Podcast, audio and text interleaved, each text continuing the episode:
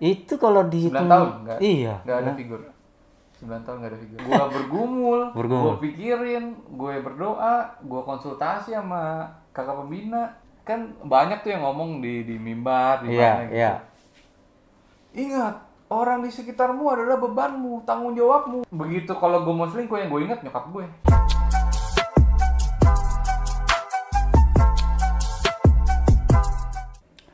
Selamat datang kembali di podcast Suara Next Gen. Oke, di episode kali ini kita sudah hadirkan seorang pria yang menurut kita layak so- eh, cerita hidupnya kita kulik karena bisa menjadi inspirasi buat teman-teman sobat Next Gen untuk kita membangun kehidupan kita ke depan lebih baik.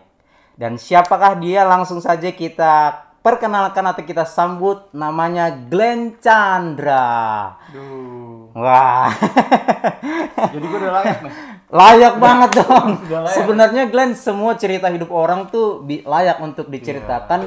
Tergantung orang itu mau nggak untuk menceritakannya. Karena baik atau buruk cerita seseorang itu tergantung kita mau ambil dari perspektif mana gitu Glenn. Jadi oh, menurut kita, menurut kita lu bukan cuman layak tetapi sangat-sangat layak Glenn. Makanya kita undang lu ke sini. Nanti ada efek itu ya. ada ada. Tenang aja. Ini banyak nih editor. Oke Glenn eh, kita kita kenal lo atau kita udah kenalan nih? Udah lama. Gua kenal lo itu dari umur bukan dari umur dari tahun 2004 kalau nggak salah. Betul Iya, nggak sih? 2004. 2004 ya. Tapi gue di sini udah lama.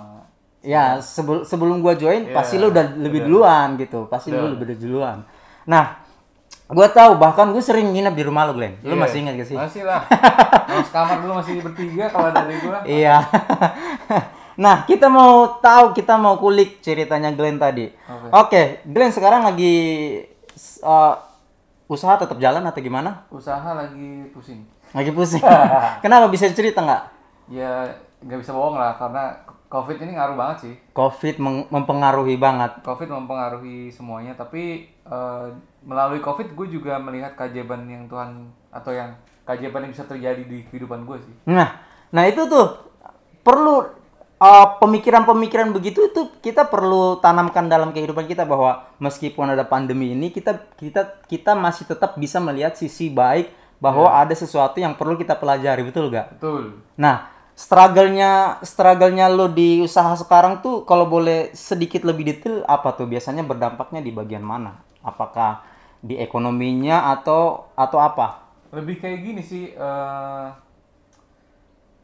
lebih kayak gue ini lagi dihadapin sama suatu keputusan yang Iya. lumayan sulit, Iya. di mana gue harus mempertahankan pekerjaan ini atau enggak. Oh, Gitu, nah gitu. itu, nah itu betul. Jadi di pekerjaan ini sebenarnya gue dapat income bulanan Nah, dapat, iya. tapi di satu sisi gue kayak eh pressure-nya bebannya tuh besar banget Mm, Iya. dan eh, menurut gue kok lumayan banyak menyita waktu. Mm, mm, mm. Sedangkan passion yang sebenarnya dulu gue jalanin Iya. lama-lama kok sedikit memudar gitu. Oh. Nah itu. Oh di situ nilai pergumulannya mau Pergumulannya mau di ditinggalin atau mau dilanjutin gitu. Iya. By the way, apa sih lebih ke arah apa sih kerjaan sekarang? Jadi kan sekarang itu gue kan eh, gue kan seorang produser juga Ah, di, produser, di ya. salah satu YouTube channel gitulah. Ya. Yang istilahnya dapat income itu bulanan dapat gitu. Oh. Cuman dibandingin dulu sebelum Covid, gue kan nggak jadi produser itu. Ya. Nggak jadi produser aja eh, tetap dapat income yang bagus gitu. Mm, mm, mm.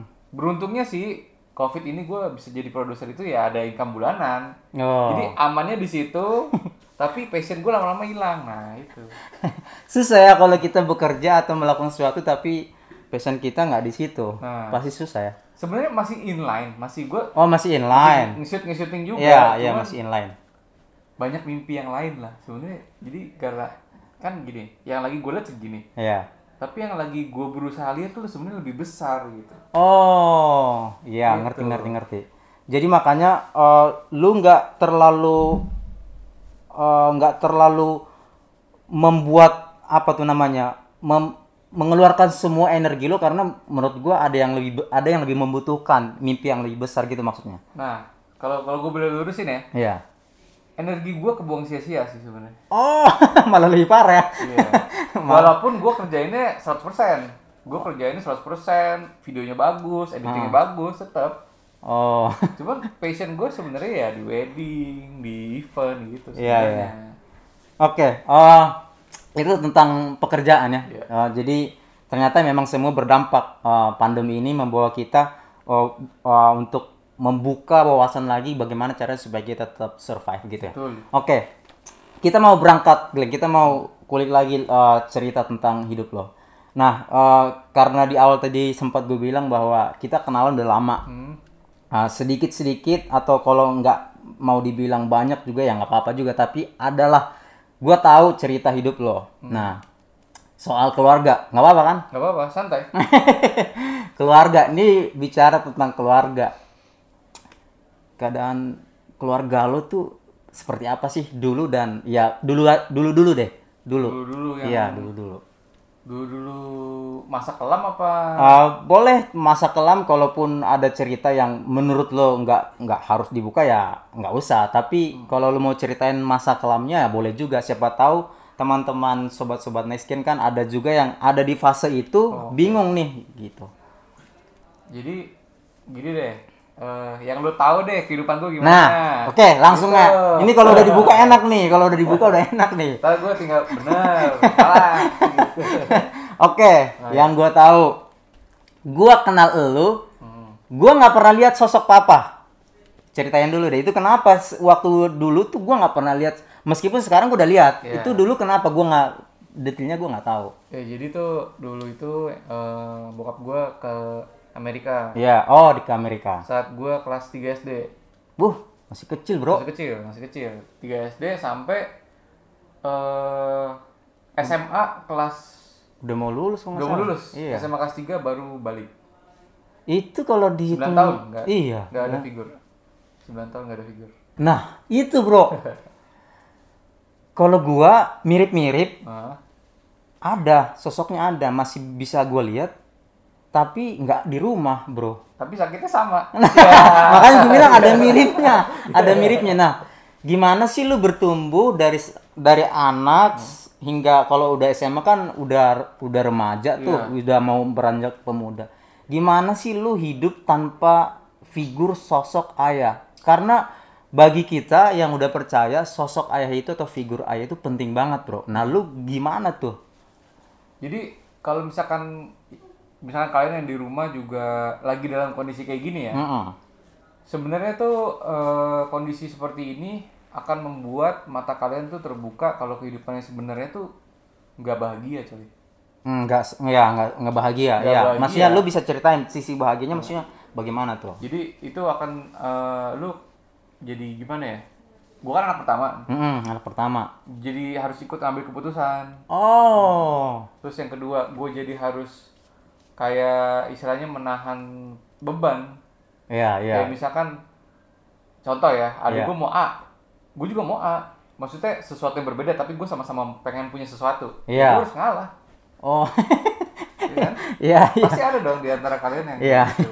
Terus Iya. habis itu, eh jujur, kalau namanya ditinggal sama seorang figur bapak, pasti kan ekonomi juga ngaruh dong. Ngaruh, pasti, pasti. Oh, ya kan? Pasti. Jadi ada dua, beda satu yang di- tetap ditransferin transferin yang sultan, Mm-mm. sebulan dikasih uang jajan 10 juta. Nah, itu Iya. mah slow aja, Bro. gitu. Iya. kalau gue Ekonomi dulu- masih tersuplai Iya, gitu. Kalau gue dulu ekonomi ke supply tapi eh, dasar-dasar aja. Oh. Jadi misalkan yang lain punya HP A, ya gue belum punya. Oh, iya padahal pada saat itu lebih booming-boomingnya tuh Iya. Keluar brand-brand lain. Nah, lu bayangin deh Jack gini. Lu lagi di sekolah Iya. bareng teman-teman lu, Iya. teman-teman lu punya barang. Iya. Lu pengen nggak? pengen kan? Banget. Tapi lu nggak bisa. iya.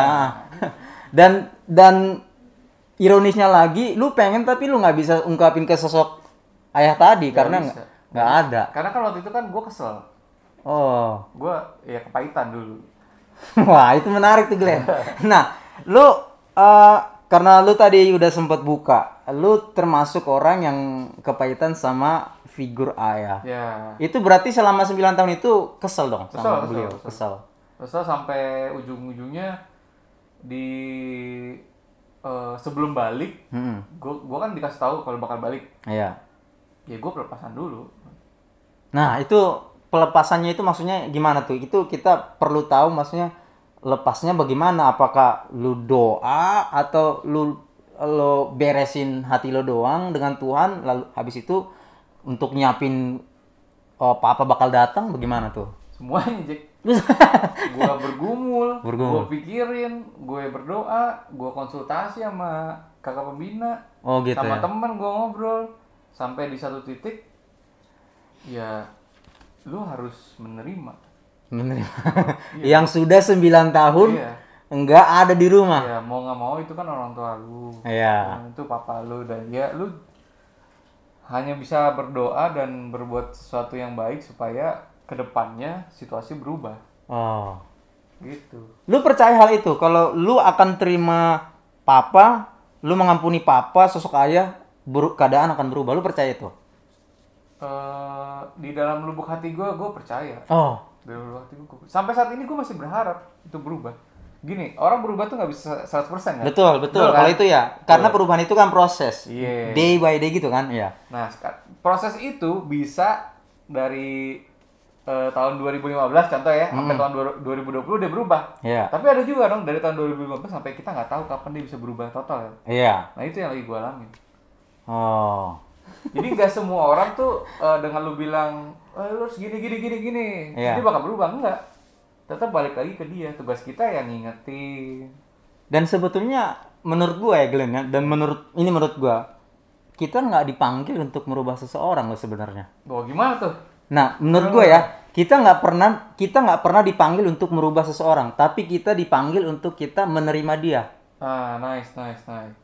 Tapi gini Jack, ada satu satu satu statement yang gue kepikiran nih, Ah. tiba-tiba. Iya, Kan kan banyak tuh yang ngomong di di mimbar di iya, mana gitu. iya.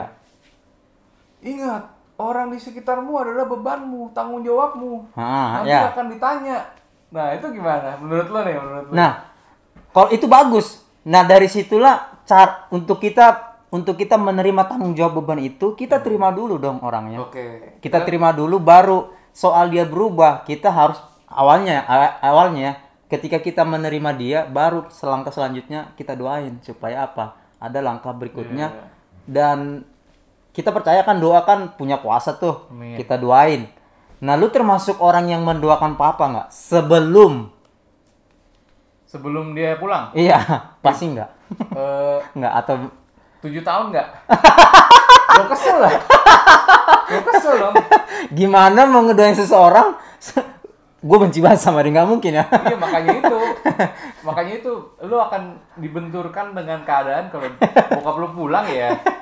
Selama Iya. dua tahun gue bergumul. Gitu. oh jadi selama eh, satu ke tujuh itu lu sama sekali nggak doain, tapi du, oh, dua ke sembilan itu di dua dua tahun terakhir itu lu udah mulai doain. Iyalah, mau nggak mau.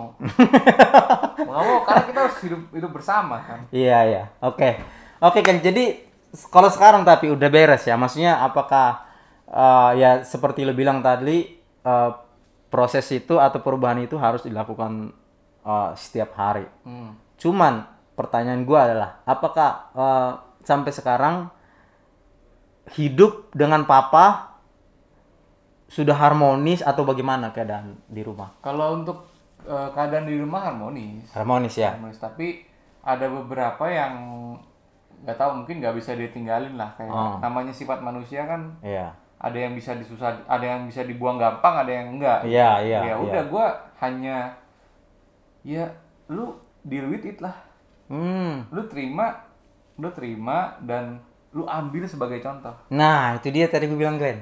Berarti eh, ada sisi-sisi yang Tuhan taruh dalam kehidupan kita untuk kita bisa eh, diasah. Kalau papa begitu atau sosok ayah begitu, apakah lu masih bisa mengampuni dia tiap hari bersama dia gitu. Nah, itu itu yang tadi gue bilang.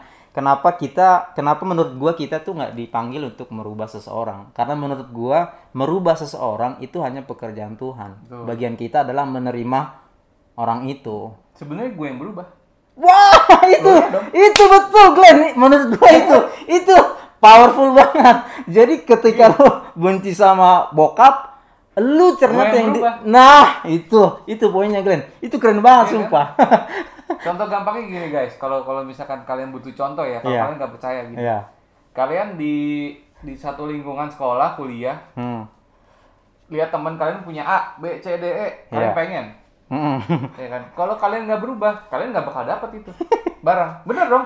Kalau kalian berubah, kalian pikir, gue Iya. kerja buat dapet Nah, itu. Itu yang itu yang salah satu gue syukurin Tuhan Tuhan itu eh, ngasih gue perjalanan hidup kayak gitu. Itu yang Iya. gue syukurin. ya makanya tadi gue bilang di awal kita layak banget untuk ngulik kisah hidup lo. Aduh, yang mau dikulik mah bahaya coy, banyak.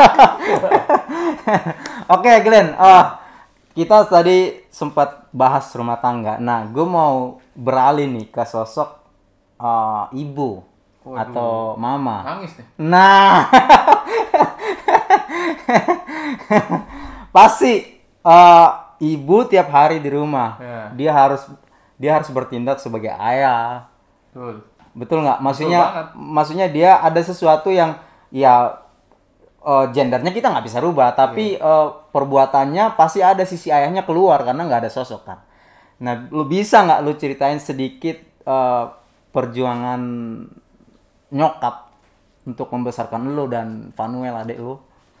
Eh, jadi ya kalau dibilang nyokap itu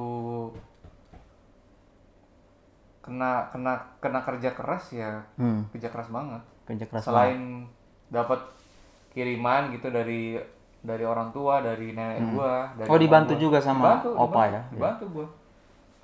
Ya, karena kan memang saat ke Amerika itu kan eh, suatu tragedi yang menurut gua menyakitkan banget lah gitu. Hmm. Dan dan secara keuangan tuh langsung bukan langsung sih maksudnya secara keuangan tuh nggak ada berubah apa-apa ya gue hidup gue ya biasa aja gitu aja Hmm. dan mewajibkan eh, nyokap gue jadi kerja Oh, jadi kerja jadi kerja sampai gue di momen lu pernah nggak? Nih lu beli nasi uduk ya. Itu cuman beli lauknya tahu doang coy. Tuh, lu bayangin. Iya, iya. kalau enggak lu beli nasi goreng lu bagi tiga. Nah, Oh iya. tuh. Luar biasa sih.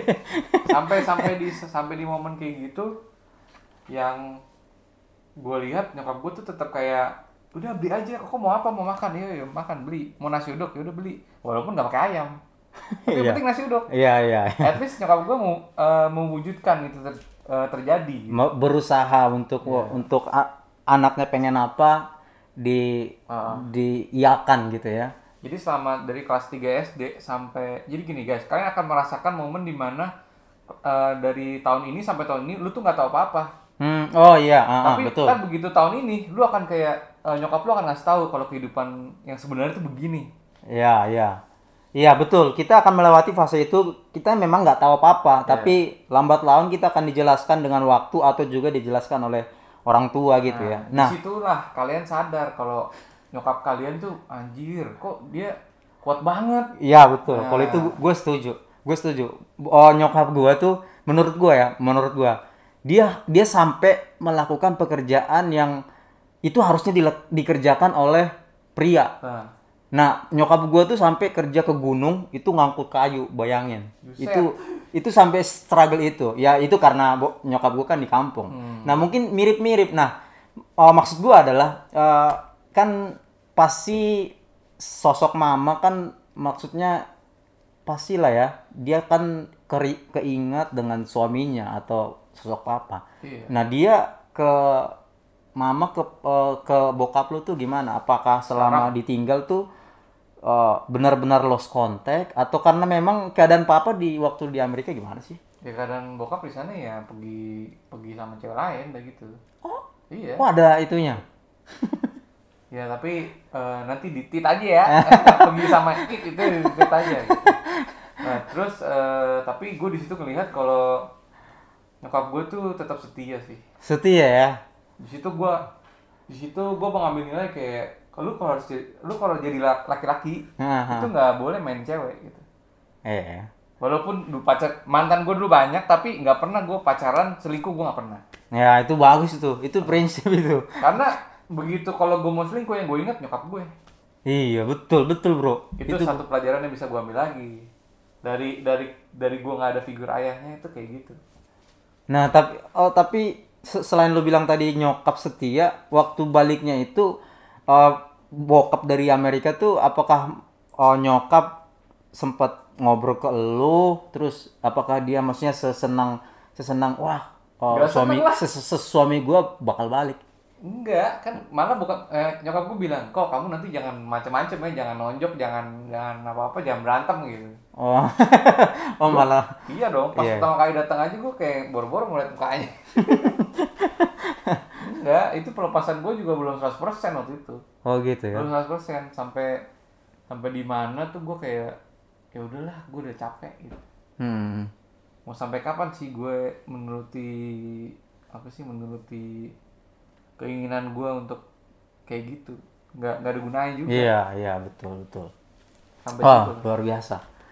Jadi kehidupan rumah tangga sekarang udah harmonis lah ya, Udah, udah, harmonis. Oh, bokap nyokap sudah bersatu lagi dan ini gua eh, berlanjut nih. Hmm. Nah, lu kan di gereja juga aktif. Iya. Iya, aktif banget lu.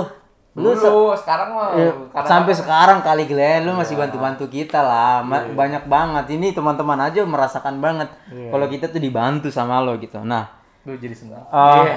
bagi Aku udah udah ya? nah eh, lu sebagai freelancer Iya. dan juga pelayanan lu robot atau jago banget lu bagi waktunya Karena kehidupan sih. Lu iya dong. Karena kehidupan. Lu kalau pelayanan doang kagak kerja nggak pusing juga. Maksud gua bukan gitu Glenn lu memandang pelayan itu emang bagaimana sih? Kenapa lu sampai ah udahlah gua juga di tempat lain udah. Maksud gua kenapa lu di, di kerjaan biasa gue dapet duit atau iya di- maksudnya kenapa lu masih tetap mau menyiapkan lu jadi volunteer di gereja untuk tetap bantu pelayanan? Lu memandang pelayan itu seperti apa emang kalau pelayanan itu menurut gue satu cara untuk lu inget lagi sama Tuhan sih untuk reconnect lagi sih Wede. itu itu kadang-kadang kita di, di dunia lagi kerja karena suka hilang Nah itu perlu dijelasin kali. Maksud gue jangan sampai yang nggak pelayan di rumah atau teman-teman sobat next ini jangan sampai merasa oh berarti gue gua nggak pelayanan jangan berarti gua nggak ini dong nggak connect sama Tuhan dong maksudnya. Enggak, bukan. Maksudnya gini, eh, cara-cara connect sama Tuhan itu kan macam-macam. Hmm. Bisa dengan lu denger lagu, lu- Iya. terus tiba-tiba lu reconnect gitu. Hmm. Cuma kan di gini deh. Buat teman-teman juga pasti yang udah kerja kan akan mengalami kayak 7 ke, ke jam 7 sampai jam 5 lu tuh udah kerja terus ya kan. Hmm, hmm, Terus jam ya jam 5 sampai ini lu pasti lupa nih sama Tuhan. Gue yakin bener. Iya karena bener. sibuknya ya. Iya, karena sibuk capek lu pasti tidur. Iya. Terus lu yang ada lu pengen memuaskan diri aja gitu kan. Oh jadi mm, eh, cara lo untuk connect ke Tuhan adalah lo Iya. ambil pelayanan, Iya, gue menyiapkan waktu menyiapkan waktu untuk pelayanan. gitu. Wow. Luar Karena biasa. Menurut gue kalau disikat terus duniawi, Mm-mm. habis coy lama-lama. Maksudnya habisnya gimana tuh? Ya, Perlu dijelaskan ya. tuh. Gue sih, kalau gue tipe orang prinsip yang Ya. eh gue harus balance Oh, antara kehidupan duniawi dan kehidupan rohani itu harus balance. harus balance ya. Gak bisa kayak gue sikat terus itu nggak. Iya. Wow. Gue takut kualat aja. Masih takut ya? Masih lah. Tiba-tiba besok nggak ada makanan. mampus. Oke, oke Glenn, itu menarik, menarik. itu cara lo untuk connect ke Tuhan. Nah, seka, eh, itu tentang pelayanan. Eh, kan lu udah nikah nih. Iya. Udah ya? Dua tahun lalu. Dua tahun lalu ya? Duluan lu pakai apa sih? Duluan Kevin. Duluan Kevin ya? Iya. Eh, eh, istri lu Gaby. Iya. Pasti pasti juga kan lu ada ada ada susahnya lah. Hmm. Iya kan untuk kita men, me- eh, menginginkan sesuatu nggak mungkin asal ambil aja kan. Oh iya dong. Iya dong. Nah maksudnya gimana tuh? Maksudnya eh sosok Gaby dalam kehidupan gua atau Ya maksudnya eh, proses pernikahan lu deh atau proses hubungan lu dengan Dari Gaby. awal sampai mau menikah. Oh, ya boleh sedikit garis besar boleh. Supaya kan penonton-penonton kita kan atau sobat-sobat Nextgen juga kan pasti ada ada di udah udah layak masuk di area itu. Mereka harus mempersiapkan diri. Oke, Jadi gini, kalau menurut gue yang bisa gue kasih tahu, cari pasangan tuh yang eh, bisa menemani lu tuh di kondisi apa pun Bisa menemani lu di kondisi apa pun. dan menerima di kondisi apa pun. Berarti Gaby melakukan hal itu ke lu. Iya dong. Dari gue sebulan cuma punya duit tujuh ribu, Oh. sampai sekarang udah puji Tuhan bisa makan, bisa jalan ke Bandung. Oh. Nah, kalau dulu waktu proses PDKT ke orang tua dan segala macamnya ada ada cerita-cerita yang ini enggak? Oh ini rasis, jangan jangan saya sekali rasis ya. Wih. Itu itu nggak nggak menurut gua gimana ya namanya jodoh kalau dikasih Tuhan lo nggak bisa nggak boleh sama Cina nggak boleh sama Manado nggak boleh sama Batak menurut gua itu terlalu rasis Rasis, rasis. dan rasis. itu se secara nggak langsung kayak lu siapa Tuhan Nah, Tuhan aja nggak nggak nggak maksudnya nggak mengotak-ngotakan kita iya, iya. nah di situ gua eh, percaya gue berdoa juga Heeh. gue juga eh, membawa pergumulan ke doa gue dan Hmm, hmm. sampai sekarang so far jadinya ya emang jodoh gue itu cewek eh yang gue doain Oh gitu ya. gue pengennya Arab gue pengennya eh, nggak nggak nggak maksudnya gue pengen spesifik sih memang Oh, fisik maksudnya, Iya. fisik, fisik.